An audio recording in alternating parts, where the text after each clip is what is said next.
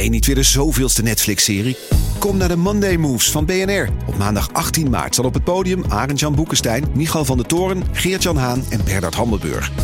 Ze hebben het over geopolitiek. Het is oorlog. Moeten we vechten, vluchten of bevriezen? Onder leiding van mij, Art Rooijakkers.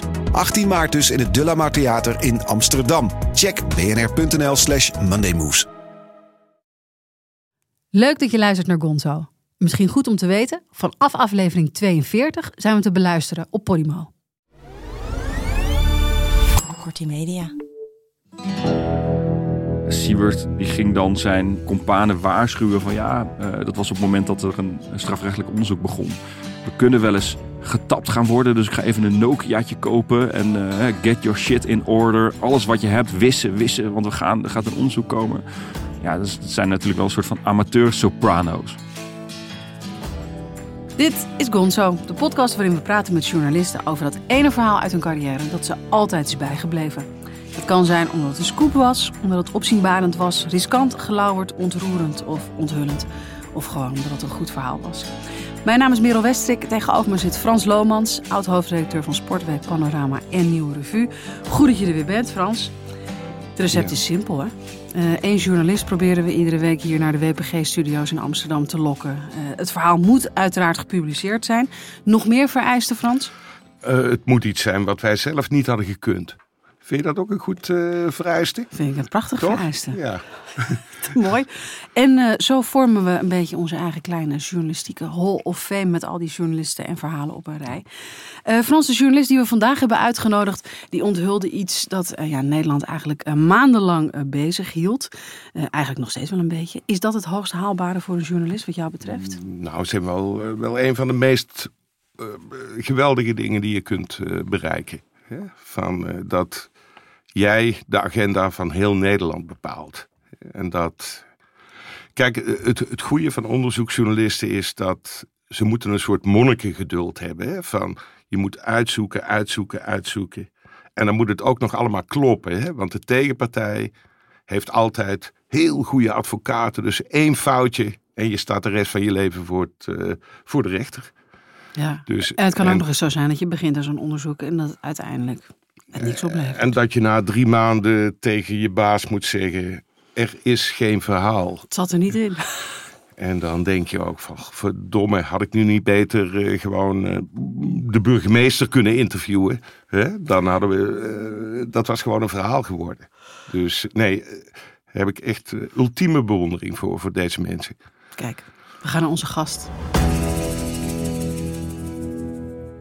In de studio dit keer Stefan Vermeulen. Welkom Stefan. Dankjewel. We beginnen altijd even met een, uh, kort cv'tje. Dat doet je als journalist nooit helemaal recht aan. Het is een kort cv'tje, maar goed. Je begon je journalistieke carrière op de redactie van het Parool.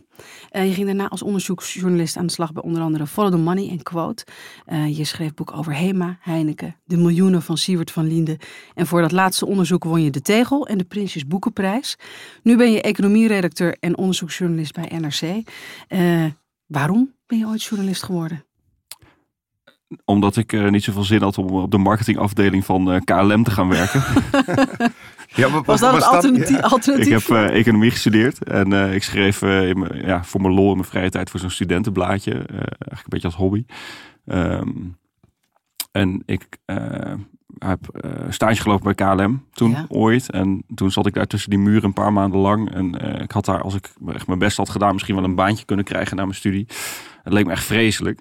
Dus toen dacht ik van ja, ik ga wel uh, de master journalistiek, die was toen uh, in uh, Groningen, heb ik die gedaan. dat leek me wel iets om te proberen. En ik dacht, die duurt anderhalf jaar. Als het dan helemaal niks is of ik kan er niks van, dan kan ik altijd nog een echte baan gaan zoeken. Ja. dat is gelukkig nooit nodig geweest. Want schrijven vond je leuk? Schrijven vond ik leuk, ja. ja. ja. En ging het bij jou vanaf het begin om schrijven of ging het om onthullen?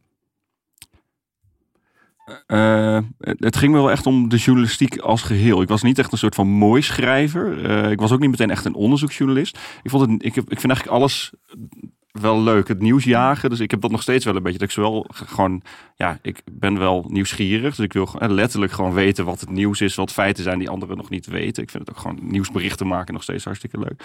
Um, grotere, complexere dingen uitzoeken vind ik leuk. Ik vind het ook wel leuk om het mooi op te schrijven. Um, maar ik heb nooit alleen maar de ambitie gehad om. Ik wilde bijvoorbeeld nooit columnist worden. Dat kan ik volgens mij ook helemaal niet. Dus ik, het, ik heb niet een soort. Hè, in op de masterjournalistiek is eigenlijk de helft van de studenten wil stiekem columnist worden. Helemaal geen journalist worden. Dat, tot die categorie hoorde ik niet. Nou noem je jezelf een uh, ervaren allround journalist, onderzoeksjournalist, uh, gefascineerd door de macht van het grote geld. Waar komt die fascinatie dat heeft in, in vandaan? mijn biootje van bij Follow the Money gestaan. Klopt, ja. ik. Maar gefascineerd door de macht van het grote geld. Waar, waar, waar, waar komt die fascinatie vandaan?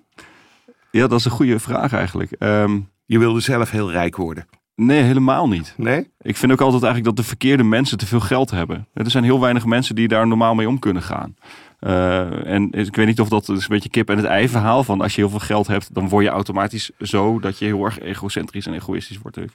Maar uh, ja, ik geloof wel dat zeg maar het kapitalisme als geheel is wel een werkend systeem. Het gaat samen met de democratie en vrije pers enzovoort. Um, maar heeft ook wel ja, enorme uitwassen. En ik vind het altijd wel interessant van wat, dat, ja, wat geld met mensen doet. Um, als journalist heb je daar ook wel een soort van functie van. Uh, eh, nou ja, daar gaan we met dit onderwerp ook over hebben. Uh, mensen die ineens miljoenen voor zich zien, dat doet iets heel geks met je. Ja. Uh, ik, ik, denk niet dat ik dan hetzelfde zou doen als bepaalde zakenmensen of mensen in de top van het bedrijfsleven. Maar ik vind het wel fascinerend om te zien ja, wat geld en zeg maar die, die drang naar geld en, en de macht die je daarmee hebt hè, over mensen, want je kunt mensen in dienst nemen. Uh, ja, wat de impact daarvan is. Ja. En dat, dat zou ook jou waarschijnlijk geen goed doen als je multimiljonair was? Maar hij denkt van wel. Hij denkt dat het, is er heel anders bij om zou gaan. gelukt. Dus ik, ja, maar ik kan die illusie hebben. Want Ja, uh, ik, ja, ik heb uh, prima salaris, maar miljonair word je niet van uh, dit vak. En Misschien is komt op, de, op een dag, misschien op een dag komt nog een keer het testmoment. Het grote testmoment, Stefan. Je weet het. Ja, en, maar goed, er zijn, ja, ja, nou ja, ik weet het niet. Dat is het al eerlijke antwoord natuurlijk. Dus het fascinerende is natuurlijk van, uh, en zeker toen ik, ik ben een paar jaar lang redacteur bij Quote geweest, dan kom je heel veel in contact met hele rijke mensen. Ja, die doen vaak hele platte dingen met hun geld. Die kopen heel veel dure auto's, huizen en gaan alleen maar in Saint-Tropez op een jacht zitten. Uh, en geven dan een half miljoen per tien jaar aan een goed doel. En dan zeggen ze dat ze filantroop zijn. Ja, ja het is allemaal een beetje treurig vaak ook. Toen we jou uh, vroegen om te komen praten hier over dat ene verhaal uit je carrière dat je altijd is bijgebleven. Wist je toen meteen welk verhaal het moest zijn? Nou, het verhaal waar we het over gaan hebben lag wel voor de hand. Uh, allereerst omdat het heel recent is. Um, en uh, ook omdat het wel niet zeg maar inhoudelijk controversieel was of zo. Maar het heeft natuurlijk wel heel veel discussie opgeroepen. Um, hè, het onderwerp waar we het over gaan hebben, drie jonge ondernemers. Um, die zijn ja, eigenlijk door heel Nederland beschimd, zo ongeveer. Uh, aanvankelijk niet. Aanvankelijk was er natuurlijk heel veel discussie van wat is daar gebeurd. Um, en het is gewoon een heel langlopend dossier geworden waarvan ik aanvankelijk dacht... oké, okay, dit is een nieuwsfeit wat wij uh, bij Follow the Money toen ik daar werkte naar boven bracht. En wat de Volkskrant was op hetzelfde onderwerp bezig. Uh, waren, hadden ook scoops erover. Dan denk je, na een, tijd, na een maandje is dat wel klaar. Maar dit ging steeds maar door. Het bleek ook steeds maar erger te zijn. Uh, uh, en, het was allemaal zo erg dat ik met mijn collega bij Follow the Money, Jan Hein Strop, heb besloten er een boek over te schrijven. En nu zitten we nog steeds op het punt uh, dat er allemaal rechtszaken en claims en weet ik veel wat aankomen. Dus ja, ja dit is wel uh, hè, bij mij af en toe tegen wil en dank. Want dacht ik, ik ben er een beetje klaar mee. Maar het is toch wel een heel fascinerend, hè, het meest fascinerende dossier geweest dat ik ooit uh, om handen heb gehad, denk ik. Ja, want dat was me nogal een scoop. Uh, want jij onthulde op 31 mei 2021 samen met jouw collega Jan Hein Strop dat Siewert van Liende aan zijn mondkapjesdeal 9 miljoen euro verdiende. Jullie onthulden ook dat hij dat bedrag eigenlijk verborg via een bepaalde constructie. En het stuk dat jullie schreven verscheen op de website van Follow the Money met als titel Siewert van Liende sluisde 9 miljoen euro naar persoonlijke holding. Dat zijn veel centjes, hè Frans? Dat zijn best veel. Uh, ik, ik heb er een fractie van. Kijk. Ja. Oh, oh, ja? Oké, okay, nou daar kunnen we het later misschien nog een keer over hebben. Uh, even voor de duidelijkheid, of voor wie, bij wie dat een beetje weggezakt is, misschien wel goed om uh, te zeggen. Je zei het net al een beetje, Van Linde presenteerde zichzelf uh, tot die tijd eigenlijk als een weldoener. Hij had een stichting, de Stichting Hulptroepen Alliantie, die zonder winstoogmerk het mondkapjestekort in Nederland wilde aanpakken. Dat deed hij eh, voor onze zorghelden, dat zei hij vaak. Hij deed het ook om niet, dat hoorde je ook heel vaak. Hij had ook telkens heel veel kritiek op de overheid. En uh, uiteindelijk sloot die overheid een deal uh, met hem voor de aankoop van miljoenen mondkapjes. En die werden uiteindelijk ook nog eens afgekeurd, omdat ze kwalitatief niet goed genoeg waren. Het begin van het verhaal, Stefan.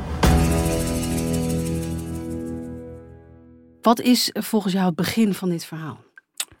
De coronacrisis natuurlijk. Ja. Hè, daar, uh, dat maakt dit hè, onderdeel van waarom dit nou fascinerend was. Dat maakten we natuurlijk allemaal letterlijk aan de lijve mee. En niet corona, maar wel dat we afstand moesten houden, dat we thuis zaten. Want het was voor, op iedereen had het een enorme impact. Um, je kreeg natuurlijk die tekorten aan mondkapjes, beademingsapparaten, ja. uh, handschoenen, ziekenhuizen. Weet ik wat. We zaten in een soort van medische samenleving ineens daarmee ontstond er ook ineens een, een, nieuwe markt die daarvoor niet bestond. Want ja, mondkapjes, ik heb later nog wel met, met inkopers van ziekenhuizen gesproken. Zeg, wij keken we helemaal niet naar om, weet je. Er kochten een aantal per jaar, eh, x aantal uh, per jaar bestelden we. Ergens uit China wisten we ook niet precies. Maakt ook, het is goed spul, het zal wel. Um, en ineens was er een tekort aan. Wilde iedereen ze hebben? Wilde de ziekenhuizen hebben? Wilde thuiszorg hebben? Wilde mensen ze op straat uh, later ook nog hebben? Um, daarmee ontstaat daar natuurlijk een soort van dynamiek. En wat je dan altijd ziet, is dat er een soort van, uh, ja, ook Hè, uh, echt mensen die met de juiste intenties zeggen van oké, okay, we gaan helpen, we gaan die spullen inkopen, oh, we gaan ze hier in Nederland verzamelen wat we nog kunnen vinden en naar de zorg doen. Uh, je krijgt ook cowboys die zeggen van hé, hey, uh, wij gaan gewoon geld verdienen aan deze crisis. Want die dingen, ja, die mondkapjes waren op een gegeven moment 6 euro per stuk. Nou ja, als je ja. ze nu koopt, is het denk ik een cent per stuk of zo. Ja. Um, dus dat is ook een vraag en aanbod. Um, en het interessante was dat deze jongens, Siewert van Liende en zijn twee uh, zakenpartners, Bernd Damme en Camille van Gestel, die hebben al vrij snel in die coronacrisis gezien van oké, wij gaan uh, daar ook in die markt ons begeven. Siewert had dan wat contacten in de, in de medische wereld. En die zetten zichzelf juist op de kaart als uh, degene die het heel netjes gingen doen. Hè. Dat wat je net zet, om niet. Hè. Ja. Uh, er waren heel veel cowboys, zij waren juist geen cowboys. Ze waren de hulptroepen. Ze noemden ze zich al ja. ook de hulptroep. Dus, uh, en omdat Van Liende heeft, had veel contacten bij het CDA, een bekende polit, politiek talent. Meegeschreven aan het verkiezingsprogramma, ja, geloof ik. Had geloof ik 87 keer bij de Wereld Draait Door aan tafel gezeten. Was een vaste talkshowgast, een bekende Nederlander die zich daarop hè, met zijn netwerk, zowel politiek als in. dus echt via uh, voornamelijk Twitter en misschien ook wel andere sociale media, maar dus ik heb vooral via Twitter gevolgd, was hij natuurlijk bezig zich neer te zetten. Ja. Dus van ik ga dit en ik krijg dit voor elkaar. Ik heb het private bedrijfsleven trek ik erbij, want die overheid is allemaal veel te traag. Ik heb KLM aan mijn zijde, ik heb Coolblue, dan kunnen we die dingen in de distributiecentra, dat is de grote webwinkel. Ja, uh, ja want hij dus, trok allemaal partijen erbij ja. die ook op vrijwillige basis, hè, ook om niet hem gingen helpen daarin. Ja, dus hij zette zichzelf heel succesvol neer uh, als de grote, uh, het alternatief voor die overheid die maar traag is en blijft falen met dat inkopen. En met, met ja, die ondernemersmentaliteit uh, gingen ze dan dat probleem wel oplossen. Met goede, met goede intenties?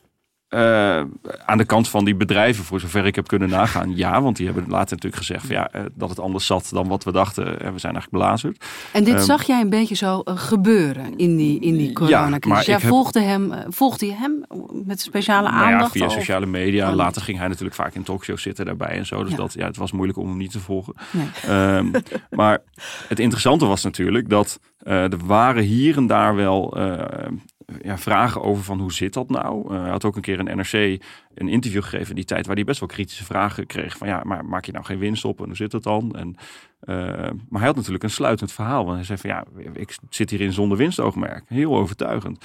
Um, en daar, dat was natuurlijk hè, stap 1 van wat is als hier nou fascinerend aan was. Dat uh, wij bij Follow the Money op een gegeven moment stukken in handen kregen.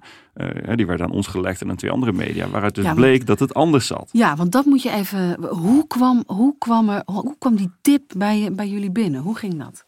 Ja, dat ging via een, een openbaar uh, platform, dat heet Publix. Uh, dat is een, ja, journalisten zegt het wat, de buitenwereld misschien iets minder. Leg het eens uit, een soort van, dat is een, niet een soort van, dat is een klokkenluidersplatform. Ja. Dus dan kun je als je bij een, uh, en zoals het heel vaak gaat bij grote bedrijven, overheidsinstellingen, mensen zien iets gebeuren, die denken dit deugt niet. Nou, dan gaan ze eerst dat intern aan de kaak stellen.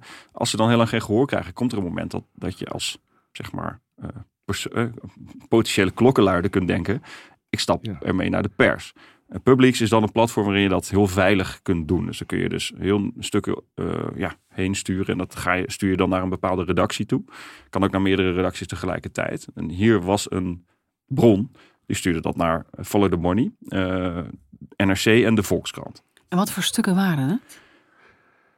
Stukken over verschillende overheidsdeals die gesloten waren in die coronatijd. En dit was mei 2021. Dus een jaar na die hele eerste golf van ja. uh, de coronacrisis. Waarin dus de overheid in paniek van alles had ingekocht. Uh, aan al die materialen. Um, en er bleek volgens die tipgever dat daar toch wat rare deals waren gesloten. Uh, en ja, wat je dan ook als klokkenluider kunt doen. Is je kunt natuurlijk naar één redactie sturen. Ja. Dat, dat krijgen we. nee, ik had een, met enige regelmaat zo'n tip onder ogen. Uh, maar je kunt het ook naar meerdere tegelijk doen. Dan weet je ook van ja, de kans is ook wel groot dat die dat wordt opgepikt. media dan denken ja. van oh, we gaan hier toch met enige spoed eens ja. even induiken. Dit, waren dus, dit was dus naar drie redacties eigenlijk gestuurd. Uh, jij kreeg het op een gegeven moment onder ogen. Wat dacht je toen je die informatie zag?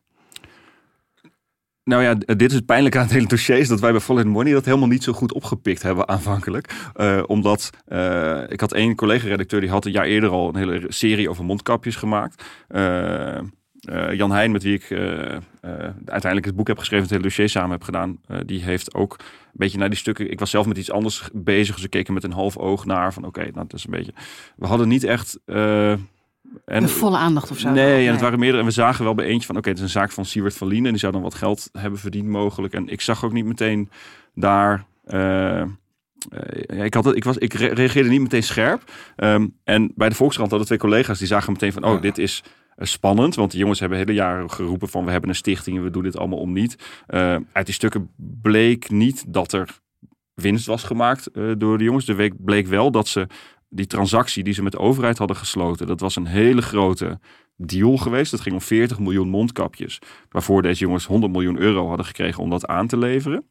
De overheid had ook alle transport, distributie en opslag voorgeschoten. Of nee, niet eens voorgeschoten, gewoon gefinancierd. Um, en uh, ze hadden een andere BV gebruikt dan die Stichting Hulptroep. Nou, dat was al best wel gek van hoe doe je dat? Uh, en ik geloof dat uh, de Volkskrant toen een van de jongens ook gebeld heeft met de vraag van ja, heb je dan echt niks verdiend? En toen had de jongen wel gezegd van ja, ik heb er misschien wel iets aan overgehouden. Um, dus dat hebben ze toen meteen hè, vol in de krant gezet. Een Half paar dagen. mei, ja. Heel slim gedaan. Ja. En toen was meteen, oké, het zit anders met uh, Siewert van Lieden. Het werd natuurlijk meteen ook uh, een soort van nationale discussie van wat is daar dan gebeurd. Het was een groot artikel in de Volkskrant. De Ja. geheime corona-deals Ja. van Siewert van Linden. En, en zij hadden dus heel scherp dat hier iets geks aan de hand was.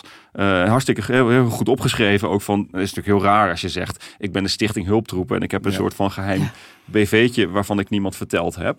Maar even, jij las dat artikel en je dacht... Nou, ik weet nog dat we toen, op, was op zaterdag stond in de krant Ja. dat we met volle manier met de reda- hoofdredactie wat boze telefoontjes over en weer gingen van ja, hoezo hebben wij niet Hadden wij die informatie op, niet eh, ook? kunnen zijn Ja. en hadden wij niet in dezelfde tijd dit ook eh, kunnen Dat, uitvogelen. en dat had gekund, hè?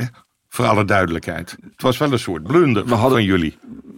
Ja, als je dat zo wil zeggen. Even jullie. Het was wel jullie een hè? misser, Eh, ja. We doen even wat algemener. We gaan geen namen noemen verder. Maar eh, Ja. Ja, dus nou was, ja, het- absoluut. En eh, dat, dat, het grappige was wel dat ik toen dacht van oké, we- er zijn meerdere van dit soort gekke deals gesloten. Ehm, er, zaten meer voorbeelden in. Ja, de- eh, deze Siewert van Linde, nou, dat hebben we nu al gezien. Die heeft er een beetje een gekke constructie. Ehm, dus wij, ik ben toen eerst nog, nog datzelfde weekend bezig gegaan. Want ik was ook een beetje chagrijnig over. Ik had het zelf echt, dat is volledig mijn eigen schuld. Ik had, ook, ik had gewoon maar met een half oog gekeken. Ik was met een heel ander, veel saaier stuk gewoon doorgegaan volgens mij die dagen. Ehm, maar toen zagen wij natuurlijk ook, in de dagen daarna ging de discussie vooral door over Siewert van Linden. Die dus inderdaad hè, op sociale media heel erg onder druk kwam te staan van ja, gast, wat heb je eigenlijk gedaan? Hoe En zit hij- het nou Ja, eigenlijk? en hij zei, ik mag er niet over praten, want ik heb een geheimhoudingsplicht. Ehm, hij kreeg bijval van allerlei prominenten, onder andere Prins Constantijn, die hem echt ging verdedigen. Van, ja, hè, deze een hebben- weldoener. ja, hebben Nederland geholpen. Weet je? Dus eh, dat- dat werd een soort... Want- En ze moesten zich melden op ministerie. wacht even, Ja. Stefan. Eh, eh, hoe zat het nou met jouw intuïtie? Ha- Had jij niet vanaf april het jaar daarvoor al zoiets van... aan Siebert deugt iets niet? Had je dat niet? Niet genoeg. Ik had wel... eh, ik geloof, maar dat, dat komt omdat hij eigenlijk, weet ik nu, heel overtuigend kan liegen. Dus hij heeft dat verhaal van hem, ik geloofde het eigenlijk wel. Want je kunt het, Ja. ik geloof namelijk ook dat hè, er zijn ook verzekeraars die non-profit zijn. Ja, die maken, hè, die maken aan het eind van het jaar wel eens winst. En doen ze dan in een potje voor een jaar dat het minder gaat. Of die geven dat. we- weet ik- Dat je eh, om niet werkt, wil niet betekenen dat je precies nul onder het streepje hebt aan het eind van het jaar. Dus het kan best zijn dat je iets overhoudt. Ehm, en vervolgens kun je dat aan een goed doel eh, geven. Dat was nog steeds mijn intuïtie toen ik de stukken in de Ja, Volkskrant ja. zag. Dacht ik, ja, deze jongen, stel dat hij nou een miljoen overhoudt. Kan hij toch aan een goed doel geven? Ja. Eh, maar dus de, ik zat er inderdaad, mijn intuïtie, dus het belachelijk dat jullie mij uitnodigen. Want dat is totaal verkeerd. Eh, ik had echt wel, ik, maar ja, daar- daar- ik vond het wel interessant genoeg om daar toch eens een keer naar te kijken. Van, van hoe zit dat nou? Maar eh, ja, ik heb hem wel, wat dat betreft, eh, op het moment dat die stukken binnenkwamen, dacht ik van ja, het zal toch wel, ze zullen wel een uitleg hebben. Dus dat, die was niet goed. Maar hoe, ging je, hoe, hoe nam je revanche? Want dat stuk verschijnt dan in de Volkskrant. Hè? Je, je hebt er zo je gedachten over. Eh, je hebt die informatie allemaal tot je genomen. Eh, wat ben je toen gaan, gaan uitzoeken? Wat was je plan van aanpak? Wat wilde je, wat wilde je gaan doen toen? Nou ja, wij wilden weten of ze heel rijk van die transactie waren zijn geworden. En waar begin je Ehm, dan? en we hadden, kijk, het interessante was, we hadden een deel van eh, het antwoord wisten. We wisten namelijk voor welke bedragen ze, ze hadden twee keer 20 miljoen mondkapjes uit het, eh, twee Chinese fabrieken, ja. hadden ze aan de overheid geleverd. En dan, eh, het VWS had het dan in Nederland helemaal weer verspreid. Daarvan wisten we de prijs. Dus we wisten van dat is voor in totaal ruim 100 miljoen euro aan, eh, 100 miljoen euro belastinggeld is eraan opgegaan. Maar we wisten niet eh, voor hoeveel geld zij die dingen in eh, China ingekocht. hadden ingekocht. Ja. We wisten ook dat het een volstrekt nieuwe BV was. We wisten dat alle bijkomende kosten door het ministerie waren gedragen. Dus als je de inkoopprijs bij de fabrieken weet, dan weet je de marge. En Ja. dan moeten ze maar gaan uitleggen wat ze daarmee gedaan hebben. Ehm, dus daar zijn we toen op verder gegaan. Toen zijn we zoveel mogelijk importeurs en via via kom je weer tot meer namen van mensen die dus wisten van hoe die markt in elkaar zat, wat je dus eh, in China voor die dingen betaalde. Toen hadden we op een gegeven moment één importeur die bij exact dezelfde fabriek op hetzelfde moment ongeveer hetzelfde type mondkapje eh, een offerte had eh, gevraagd of gekregen. Oké, dus je had gewoon een document liggen. Ja, waaruit bleek wat hij betaalde. Dus toen dacht ik van of dit is ook wat deze jongens hebben betaald. ehm, of ze zijn gewoon krankzinnig slechte onderhandelaars dat ze veel meer hebben betaald. Maar hè, het was wel een cowboymarkt, maar ja, het waren wel mondkapjes. Dus het was niet als één iemand 2,50 euro betaalde dat iemand anders 4 euro betaalde. Dus daarvan wisten we, oké, voor die 20 een miljoen mondkapjes kwamen we op, nou ja, met zijn offerte. En er waren meer eh, importeurs die die prijs ongeveer noemden, ongeveer 15 miljoen euro winst. Van die andere hadden we niet het zo concreet, maar hadden we wel eh, uiteindelijk een stuk of zeven importeurs. Zeg maar, dat, dat type in die periode moet ongeveer dit hebben gekost. Dus al met al kwamen we toen op een eh, nou ja, onderbouwde schatting van er moet een marge van tegen de 30 miljoen zijn gemaakt. Eh, dat zijn we toen aan die jongens gaan voorleggen. Ja, dit hebben wij. Hè. Bij een van die fabrieken hebben we bewijs. Bij die andere hebben we het ja, soort van educated guess. En belde je zijn, zijn zakenpartners, Bernd Damme en Camille van Gestel, heb je die ook ge- gesproken toen? Dat denk ik wel, ja. Het was wel zo, eh Siewert van Liende was natuurlijk de enige bekende naam van deze drie. Eh, dus, en hij nam ook wel die rol van een soort van ja, Woord- woordvoerder namens ja. de drie op zich. Ehm, maar dit was wel interessant, omdat eh, het fascinerend is natuurlijk, Siewert van Liende kent die mediawereld ook heel goed. Dus hij weet heel goed hoe hij zich daarin moet opstellen, hoe hij overtuigend moet overkomen. Hij weet wat scoort bij journalisten, echt als geen ander. Hij snapt dat geweldig. Ehm, dus dat maakte dit ook wel een soort van, ja, aan de ene kant een spannende, ja, spannend spel of zo. Ja, Was Het was, een, het was een tegenstander van niveau. nou ja, in, eh, eh, qua eh, verbaal zeker, ja. Maar hij reageert dus, hij reageert dus op die, die schatting van jullie. Reageert hij echt, echt nog ontkennend? Of, of, of- Nou, Niet eigenlijk. Nee, hij zei toen, eh, want de NOS nam het toen ook, tegen ons zei hij niet zoveel. Toen kwam de NOS nam het over, daar ging hij toen zeggen van dat het, ja, het, het, het zijn maar, eh, en zei hij, hij ontkende niet, hij zei het zijn maar schattingen. Ik weet nog dat ik dat, eh, volgens mij, ik, ik ging een rondje lopen op die zaterdag dat wij het publiceerden. Volgens mij, in mijn herinnering hoorde ik het op de radio. eh, van ja, Siewert van Linden ontkende het, hij zegt het zijn maar schattingen. En toen liep ik ergens in Amsterdam-Noord, waar ik woon, op de dijk. En toen hoorde, ik, hem- en toen hoorde ik dat en toen dacht ik, hij zei het niet zelf, maar de presentator las op. Toen dacht ik, ja, we hebben gewoon gelijk. Dat is geen ontkenning. Als je dit Het zegt, het zijn maar schattingen. ja. Als, als ik iets opschrijf van die klopt en, en dan stap je terug naar de NOS zeg nou ik ga nu vanavond bij Nieuwsuur zitten of in het journaal zitten en ik ga uitleggen dat het helemaal niet klopt. Dat het- dit is het bedrag wat ik heb, laat mijn boeken zien en eh, het gaat naar een goed doel. Maar, to- maar to- toen wist je dus betrekkelijk zeker dat er een kleine 30 miljoen marge was. Toen begon de jacht op waar is die 30 miljoen? Ja, en we hadden het bewijs nog niet. Dus dat was inderdaad eh, de, de volgende stap. Dat we, hè, ik had natuurlijk inmiddels wel door van eh, hier gaan we gewoon op verder tot we weten hoe het zit. En eh, dat was dan de volgende stap. Dat we de maandag daarop, er zat nog een weekje tussen, kwam ik op een maandagochtend van de Morning de redactie oplopen. Die toen nog door alle coronamaatregelen meestal heel leeg was. Ehm, en toen klapte ik mijn laptop open. Toen had ik een mailtje, een soort van eenregelig mailtje in mijn eh, inbox. Ehm, zoek eens op deze eh, CV, communitaire vennootschap, bij de Kamer van Koophandel. Eh, en CV, wat ja, dat is een dat? communitaire vennootschap, een soort van financiële holding waar je geld in kunt onderbrengen. Eh, ja, dat wordt al vrij snel technisch, maar dat wordt dan be- bestuurd door een stichting. En dat is een soort, ja, heel veel rijke mensen stoppen er geld in, omdat het vaak moeilijk te achterhalen is eh, ja, wie daarachter zit. Want je moet dan weer weten, hè, die cv, ja, daar zie je vaak niet eh, van wie het is. Dan moet je weten wie de stichting is die het bestuurt. En dan moet je weer weten wie daar zegt. Maar stichtingen die laten nooit zoveel informatie los, dus dat is heel moeilijk te achterhalen. En er werd Ehm, een naam genoemd van een CV. Ja, Duifken CV. Dat bleek vernoemd naar een oud VOC-schip. Wat wel eh, fascinerend was. Ehm, en eh, toen heb ik die maandagochtend dat ingevuld bij eh, de Kamer van Koophandel. En toen zag ik dat eh, die inderdaad eh, op naam stond van die stichting die Siewert van Linden had opgericht. Dat het eind 2020 allemaal in het leven was geroepen. En dat er 9 miljoen euro aan kapitaal was ingebracht. Ach, ja. En toen dacht ik wel, dit is wel een... eh, nu hebben we wel het bedrag gevonden. Ja. Want vo- vo- vond je dat al een heel overtuigend bewijs of had je meer nodig nog? Het was in elk geval genoeg om Siewert daar eens naar te vragen. ja.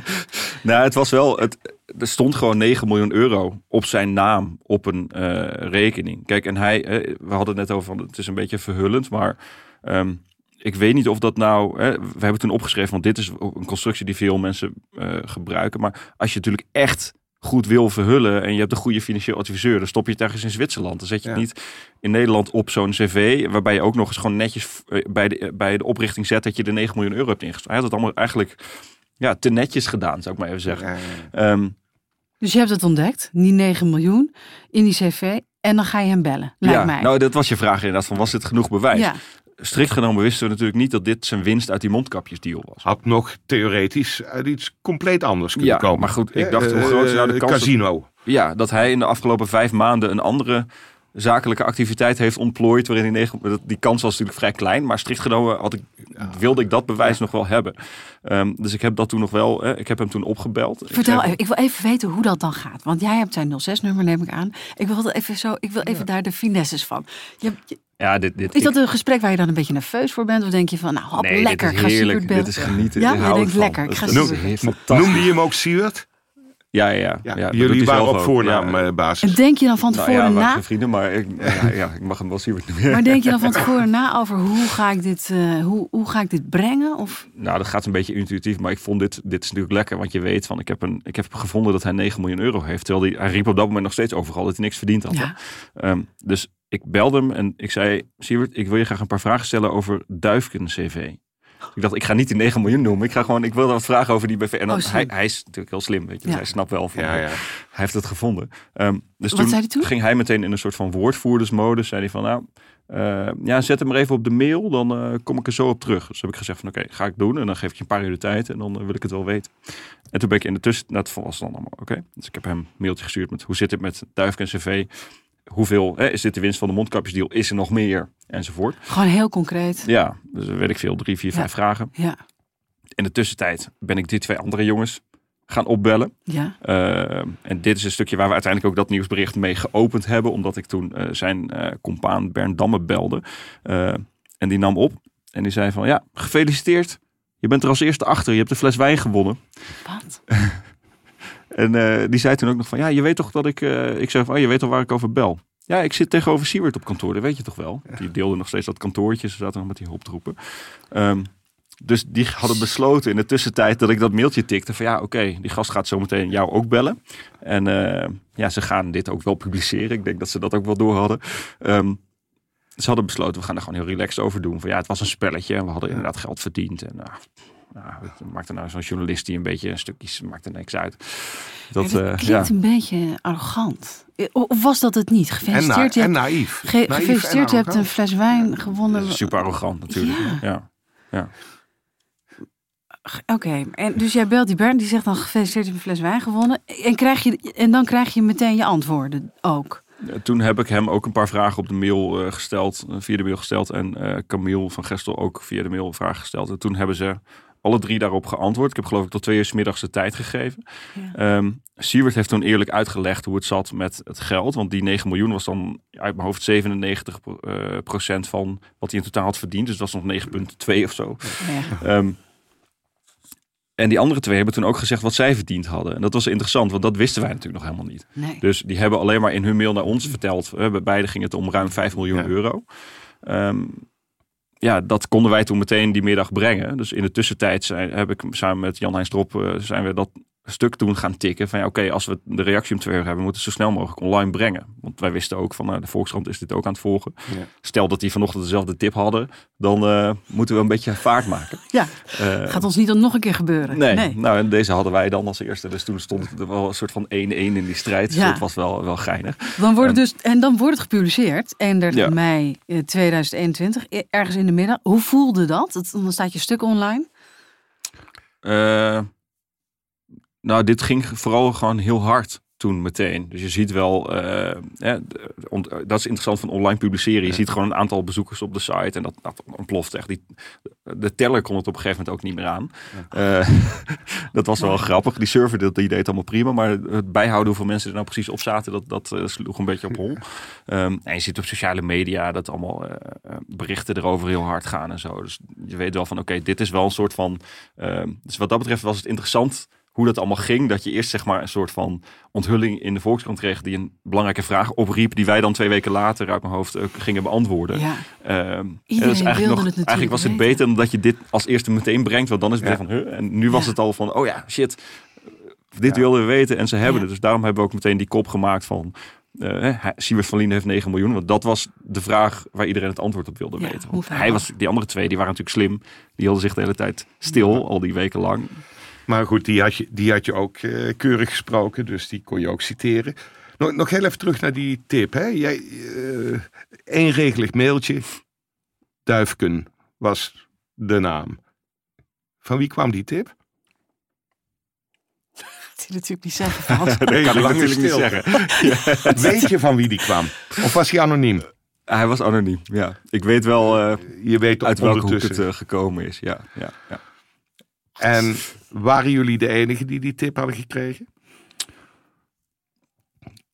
Dat weet ik eigenlijk niet. Het zou, ik geloof dat eh, de Volkskrant eh, ook wel hierop zaten, dat die hier ook mee bezig waren. Maar ik weet oprecht niet of zij zeg maar v- van dezelfde persoon Ja, dezelfde tip hebben gekregen. Oké. Of dat zij via een andere route op hetzelfde waren uitgekomen. Eh, dat weet ik echt niet. Dus het zou kunnen dat er een, eh, deze bron dat aan eh, de twee media heeft ge- gemeld. Dat weet ik eigenlijk niet. Had je het zonder die eh, tip ook rondgekregen? Eh, niet op dat moment. Nee, want daarom is die constructie met zo'n cv, dat zegt natuurlijk niemand wat, ehm, best wel slim. Omdat je ziet dus hè, een stichting die een cv bestuurt, dat kun je via de Kamer van Koophandel en alle hè, tools die ervoor zijn, kun je vinden. Maar die cv zelf, ja, dan moet je echt de naam van die cv hebben om hem aan een stichting te koppelen. En ja, zolang je die naam niet hebt. Ja. ehm, en deze, eh, hij was eh, geregistreerd op een eh, bedrijfsadresje wat Bernd Damme had ergens in Amsterdam-West, geloof ik. Weet ik niet helemaal zeker, maar stond ergens waar, via het adres zou je het ook niet snel vinden. Zeg maar. Wij hadden natuurlijk ook al lang geprobeerd om op het adres van die jongens en hun, hun zakelijke activiteiten gewoon te zoeken. En daar vonden we dit niet. Dus het was wel dusdanig opgezet. Je moest echt die naam hebben. En die hadden wij anders nog niet gehad. Dat had even kunnen duren. Nou, Ja, Want je, eh, eh, het explodeerde. Ja, ik, ik het kwam hier even explodeerde. tussendoor. Ja, want Eh, daar willen we even naar terug. Want, want, want, dat, dat, want je hebt dan gepubliceerd, die teller van eh Follow the Money, eh, de website, die houdt het niet bij. Eh, op Twitter gaat het helemaal los, artikel wordt gedeeld.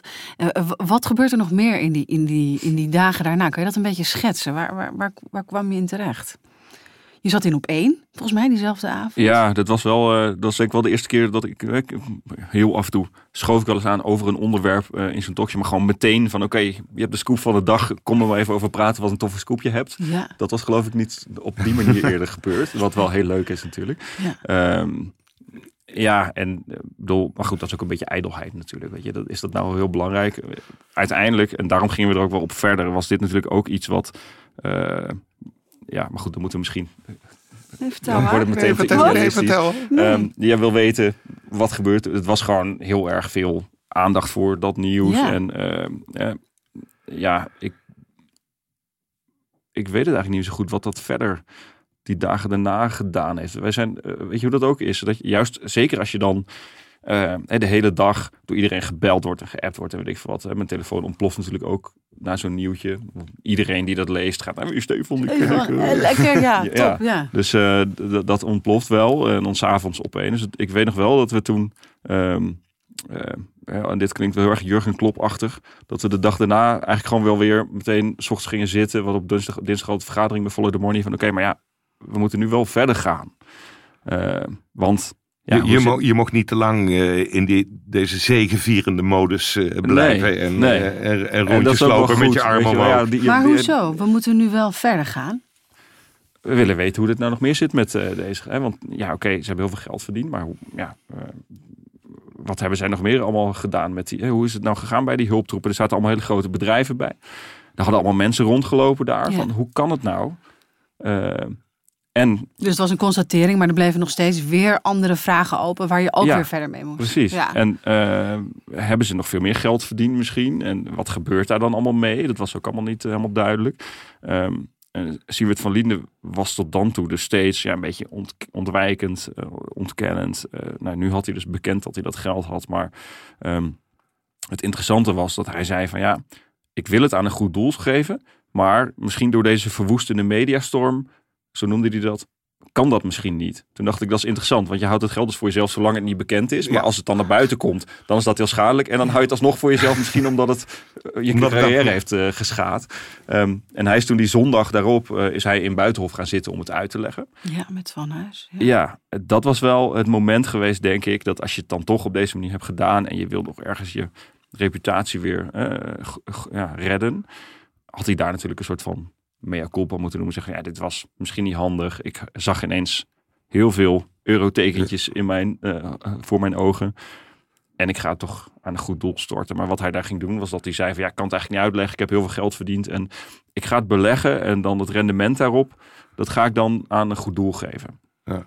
Wat natuurlijk impliceerde dat hij die 9 miljoen zelf Ja. zou houden. Eh, bovendien de beurs is vorig jaar ingestort. Dus ik denk dat het rendement ook niet heel hoog was. Nee. Nee, en, en daarna, eh, de- hij kreeg nogal wat eh, over zich heen. Ja, ja. Hoe heb je, dat, hoe, hoe heb je daarnaar gekeken? Goed zielig voor hem. Eh, nee, en zeker in het begin niet, omdat het, eh, ja, weet je, wij zijn feiten, ons werk is feiten achterhalen.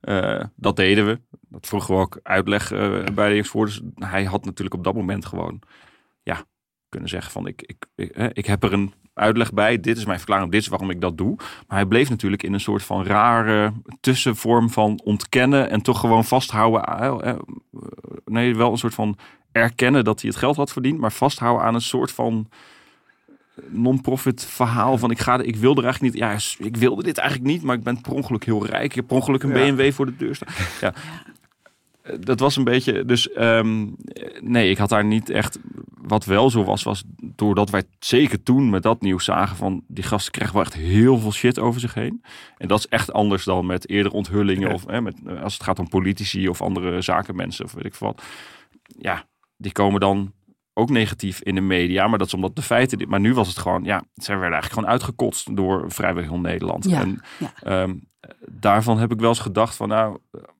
dat is natuurlijk ook, geva- hè, dat kan ergens ook gevaarlijk worden van, ja, eh, kunnen die gasten daar wel mee omgaan? Dus dan Ja, moet voel je je, daar een verantwoordelijkheid in? Want ik kan me ook voorstellen, als je over eh, een groot bedrijf, eh, er zit meer afstand tussen als je een onthulling doet over een groot bedrijf. Maar het wordt natuurlijk heel persoonlijk, omdat het over mensen gaat. ja, ja. Voel je daar een verantwoordelijkheid dan ergens in? Ja, we hebben dus bij latere verhalen ook wel. En ze, toen, eh, nadat dit nieuws naar buiten was gekomen, een paar dagen later, toen belde ik Siewert nog een keer op. Ehm, gewoon een paar vervolgvragen. En oké, ja, dacht, niet om een soort van nazorg te doen, Nee. want ja, dat je dat moet zelf. Maar toen riep hij ook van ja, deze mediadynamiek moet stoppen. En eh, toen had ik wel het idee van, oh, dit gaat niet per se heel goed nu met hem. Dat snap ik ook. Maar hij had, dat was nog voordat hij bij Buitenhof zat. Had hij ook zelf kunnen oplossen. Het is een volwassen kerel uiteindelijk. Wat wel gebeurde was dat ik... We hebben daarna natuurlijk een paar keer eh, ook echt stevige nieuwe verhalen gebracht. Het is een reeks onderzoeksverhalen geworden. Onder andere dat ze dus aan al- tientallen andere klanten ook met die geheime BV heel veel geld eh, hadden verdiend. Ehm, uiteindelijk hadden we uit interne appgroepjes dat hij zei, voordat hij die deal met de overheid ging sluiten, van ja, ik, ga, ik heb een reeks tweets geplaatst waarin hij heel kritisch was op het overheidsbeleid. Dat is bedoeld om een politiek deurtje te openen, stond dan in die appjes. Ja. Ja, dat is super schadelijk natuurlijk. Dat, dat duidde op dat er vooropgezet plan was bij hem. Dus ik, en wij publiceerden dat soort verhalen dan op zaterdag vaak. Dat wel nou, bij dit laatste verhaal dat ik noemde over die appjes. Dat ik op vrijdagavond nog wel even met eh, collega's eh, heb gebeld. Ja, weet je, dit is wel, hij krijgt weer echt heel veel shit over zich heen. Eh, ja, het is wel, eh, ja, je wil ook niet dat iemand zich iets aandoet. Of zo. Maar dat- waarschuwde je hem dan bijvoorbeeld van tevoren dat er komt morgen weer een verhaal of we zijn weer bezig? Ja, nee, we hadden het, ik had natuurlijk contact Ja. in het kader van wederhoor. Van we zijn Ja. daarmee bezig en hoe zit dat met die appjes en weet ik Dus wat. hij wist steeds dat er iets aankwam. Ja, natuurlijk. eh, Ja, Zo per definitie is dat contact natuurlijk tot aan de publicatie best wel eh, intens. Maar ik, eh, dat was wel, ik vond dat wel een belangrijk dilemma eigenlijk. Van ja, oké. eh, ik heb dan nooit eerder gehad dat je je moet afvragen van Nee. oké, wat is de impact kan zo groot zijn voor iemand. eh, ja. Want even, hij begon ooit als weldoener, Siewert. Daarna werd hij een cowboy. En hij eindigde als een crimineel. Kort samengevat. Of zijn dat termen die jij nooit zult gebruiken? Vind je een crimineel? Eh, ik weet niet of crimineel strafrechtelijke term is. Eh, ze hebben wel echt Ja, op dat grootste wijze de boel geflasht. Eh, ze zijn daar niet voor veroordeeld nog. Eh, en of dat gebeurt is helemaal niet aan mij natuurlijk. Eh, ja, of het crimineel. Het zijn wel het laatste stuk dat was een paar weken geleden had ik bij NRC eh, had ik een vonnis in handen gekregen waaruit blijkt hè, ze eh, procederen tot aan de Hoge Raad op dit moment om geen inzage te geven in hun telefoons en hun laptops. Ehm, ja, en Siewert die ging dan zijn companen waarschuwen van ja, eh, dat was op het moment dat er een, een strafrechtelijk onderzoek begon. Eh, we kunnen wel eens getapt gaan worden, dus ik ga even een Nokiaatje kopen en get your shit in order. Alles wat je hebt, wissen, wissen, want we gaan, er gaat een onderzoek komen. Ja, dat zijn natuurlijk wel een soort van amateur soprano's. Ja. Ja, dus een beetje wat je misschien in die eerste artikelen een beetje kon vermoeden, zeg maar. Hè, dat is wel, zeg maar, de rode draad is ook wel dat je, zeg maar, het meest gekke scenario van een paar gekke cowboys die hier, eh, ja, eigenlijk op toch wel redelijk amateuristische wijze de boel geflasht hebben. Het ministerie dat daar totaal blind is ingestonken. Eh, ja, dat hele scenario, dat is zich nog steeds aan het ontvouwen, ja. Het is allemaal zo gênant. Ik vind het zo gênant. Maar het, het, het had ook iets charmants kunnen hebben. Hè? Ik bedoel, je hebt ook best... eh, Hoe dan, Frans? Charmante Nou, nee, criminelen. Het- grappige criminelen. Hè? Die denken van, wauw, wat hebben we het leuk gedaan zeg. Nee, er is We ook hebben is heel best een, eh, Nederland voor best de gek gehouden. Een vermakelijke film van te maken. Toch? Dus Dat, eh, ja, nee, absoluut. Ja, Ja. ja, nou ja. Eh, nou is, Jij, jij, wordt, jij wordt een beetje weer boos, eh, Merel. Nee, ik denk dan, hoe kan je dit, als je zo mensen voorligt, als je zo zegt dat je een enorme weldoener bent en dat je iets om niet doet, hoe kan je dan, hoe, eh, en je, je beliegt zo openlijk, ja, hoe kan het dan nog een leuk verhaal worden uiteindelijk? Dat verbaas ik me over dat jij dat al zegt. Nou ja, je, je hebt de oplichters die zijn van beroep oplichter. Dat Ja. vinden ze geweldig, de boel oplichten. Ja. Ja. dat is eh, de kick, daar krijgen ze een... eh, ik wou zeggen stijve plasser, maar dat is geen nette benaming. Maar daar, daar raken ze opgewonden van. Ja. Nee, ik snap wat je bedoelt. En ik heb dat in mijn tijd bij Quote heb ik heel vaak hele charmante en interessante eh, ja, ondernemers die dan een beetje op het, in het grensgebied van boven- en onderwereld zaten, eh, mee gesproken, mee opgetrokken en zo. Daar kun je hele leuke verhalen uithalen. Ehm, het, wat het hier natuurlijk pijnlijk maakte, was dat al dit geld komt voort uit die hele gigantische gezondheidscrisis. Het heeft zoveel wel, dus hoop, dit- het haalt is- zoveel hoop onderuit. Nou ja, het is gewoon. Ja, en, en juist omdat zij de pretentie hadden van wij Ja. doen het anders. En daar stond natuurlijk heel Nederland in. Daar Ehm, wilden mensen ook in geloven. Ik ja, wilde daar ook ja. in geloven. Dat iemand dan helpt. Dat iemand dan in zo'n Ja. situatie iets goeds Je wil bedoelt, doen. dit, het vertrouwen in de mensheid is door Siebert eh, bij jou tot een nulpunt gedaald. ja, niet, niet, niet alleen door Siewert, maar, maar ik denk dat, het- dat, dat, dat mensen er daarom ook zo ontzettend giftig op waren. Ja. Maar het heeft te maken met die coronacrisis natuurlijk. Dat, Ja. dat, als, de, als je dat is, want ik snap heel goed jouw punt, dat, dat deel ik eigenlijk tot best wel een grote hoogte. Maar als je dat doet in deze crisis, Ja. om daar dan eh, aan te eh, het echt profiteren ook van ja, de, de, eh, het, het onkunde en de paniek en, Ja. en het gebrek aan kennis aan zo'n, bij zo'n ministerie, ja, dat is natuurlijk eh, ja, gewoon pijnlijk. Ja. Het Ja. is niet het ideale speelveld om, eh, om dit soort dingen te doen. Nee. Hadden, hadden een ander eh, voetbalveld gekozen. Ja. Eh, Stefan, er verscheen eh, een boek in maart 2022. Ik noemde hem al in de introductie van het verhaal. Hè. Sieverts Miljoenen, de jacht op het mondkapjesgoud. Dat werd het best verkochte boek van Nederland. En jullie hebben de rechten dubbel verkocht. Er komt een film en een documentaire serie. Waarom slaat dit zo aan, denk je? Want welke ingrediënten heeft dat allemaal? Nou ja, dit kwam uit natuurlijk toen net alle coronamaatregelen waren opgeheven. Maart 2022. En toen kwamen we het een maand daarvoor was de laatste lockdown geëindigd. Ja, dat heeft natuurlijk iedereen enorm bezig gehouden en geraakt. En dit is toch een beetje het verhaal, hè, dat, dat durf ik toch wel te zeggen, van die hele coronacrisis Ja. geworden. Hè? Een ministerie dat ja, in paniek is, faalt, eh, iemand gewoon eh, monddood wil maken met heel veel geld. Eh, een paar jongens die pretenderen dat ze Nederland aan het redden zijn in die vreselijke crisistijd, maar eigenlijk heel rijk aan het worden zijn. Ehm, ja, dus dit was in die zin, denk ik dat het ons wel lukte om te laten zien van ja, die hele Haagse obsessie met de beeldvorming, wat dit natuurlijk een gigantisch voorbeeld van is.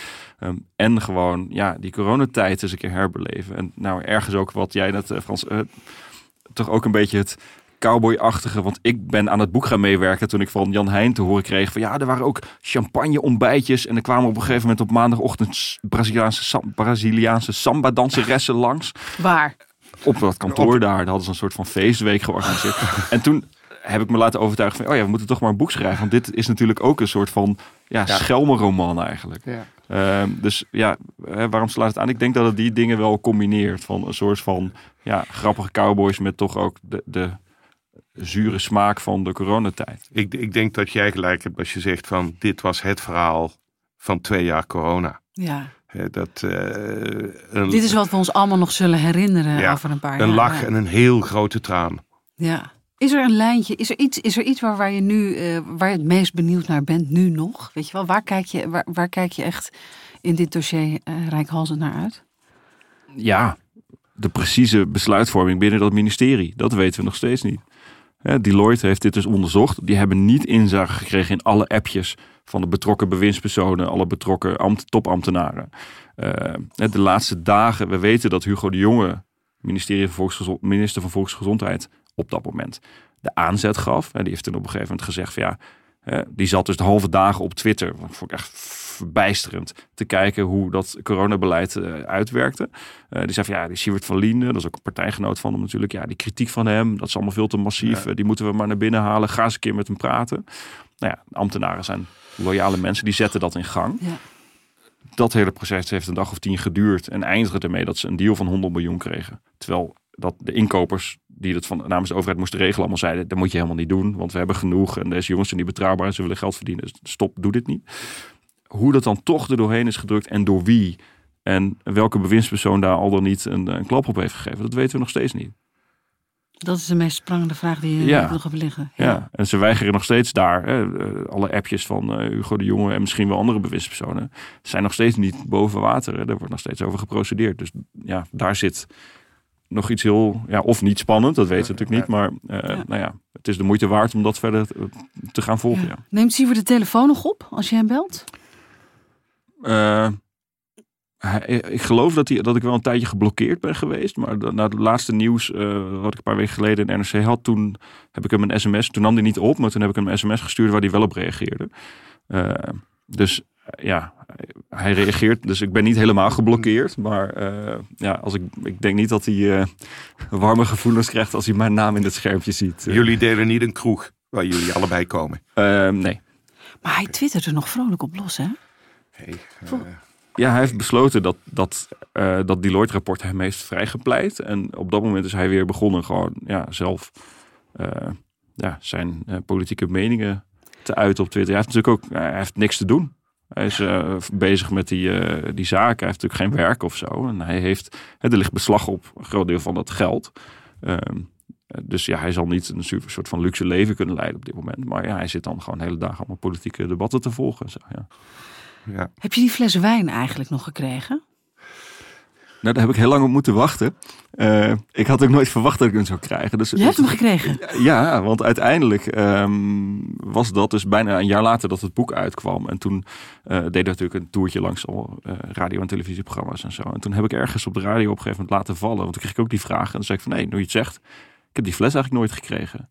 En toen deden we de week daarna een avond in een boekhandel een signeersessie. Um, en toen stonden ineens de ouders van uh, Bernd Damme uh, aan ons tafeltje. Uh, en die zetten iets wat passief-agressief een fles wijn op tafel. Van zo, oh, deze kregen jullie nog. Niet. En ja, het was wel erg. Het was aan de ene kant super sportief. Ja. Zo, hè, dat sowieso. Dus dat passief-agressief misschien een beetje vervelend om te zeggen. Want die ouders hadden ook zich echt voorgenomen om netjes die fles wijn uh, te geven. Afspraak is afspraak. Ze zijn het niet zelf komen brengen, die jongens. Um, maar ze vonden het ook lastig, omdat natuurlijk ja, hun zoon kwam, laten we zeggen, niet heel prettig uit het boek. Dus dat vonden ze toch ook wel Kocht, kochten ze het boek? Ja, ja, uh, gesigneerd. En ja? Wat ja. heb je er voor ze ingeschreven? Ja, voor Bernd. Uh. Nee, echt? Ja? Nee, echt? ik weet niet wat ik verder... Volgens mij heb ik het daar wel bij gelaten. Ik dacht van ja, voor de rest... Uh... Voor Bernd, veel leesplezier, Stefan. of iets anders. Nee. Ik denk letterlijk dat, ja. Oh, jemig. Mooi. Het was een... het was een ik, nou, ik, ik wou zeggen... Of het, ik weet niet of het goede wijn was, maar het was een, niet een extreem dure fles. Ook niet uh, van de Albert Heijn. Het was wel gewoon een uh, goede fles wijn. Um, hij staat nog steeds op de boekenkast uh, bij mij thuis. Want ik mag hem van mijn vriendin niet openen. Omdat hij bang is dat er iets mee gebeurd is. Ja! dat vind ik heel grappig. Ja, dat snap ik. Ik, ik. ik, durf het zelf wel aan, maar hij staat nog. dus nee. misschien voor het persmuseum over een paar jaar of zo. Ik zou hem ook dicht laten. Stefan, dankjewel voor je komst hier naar de WPG-studio's. Uh, dit was Gonzo. Mijn naam is Merel Westrik. Tegenover me Frans Lomans. Mocht je vragen hebben of suggesties, mail dan naar gonzo.kortimedia.nl. Deze podcast, moet ik nog zeggen, vind je op Apple Podcast of Spotify. Vergeet je vooral niet te abonneren, want dan weet je wanneer er een nieuwe aflevering online staat. Volgende week uh, weer een goed verhaal. Tot dan. Tot dan.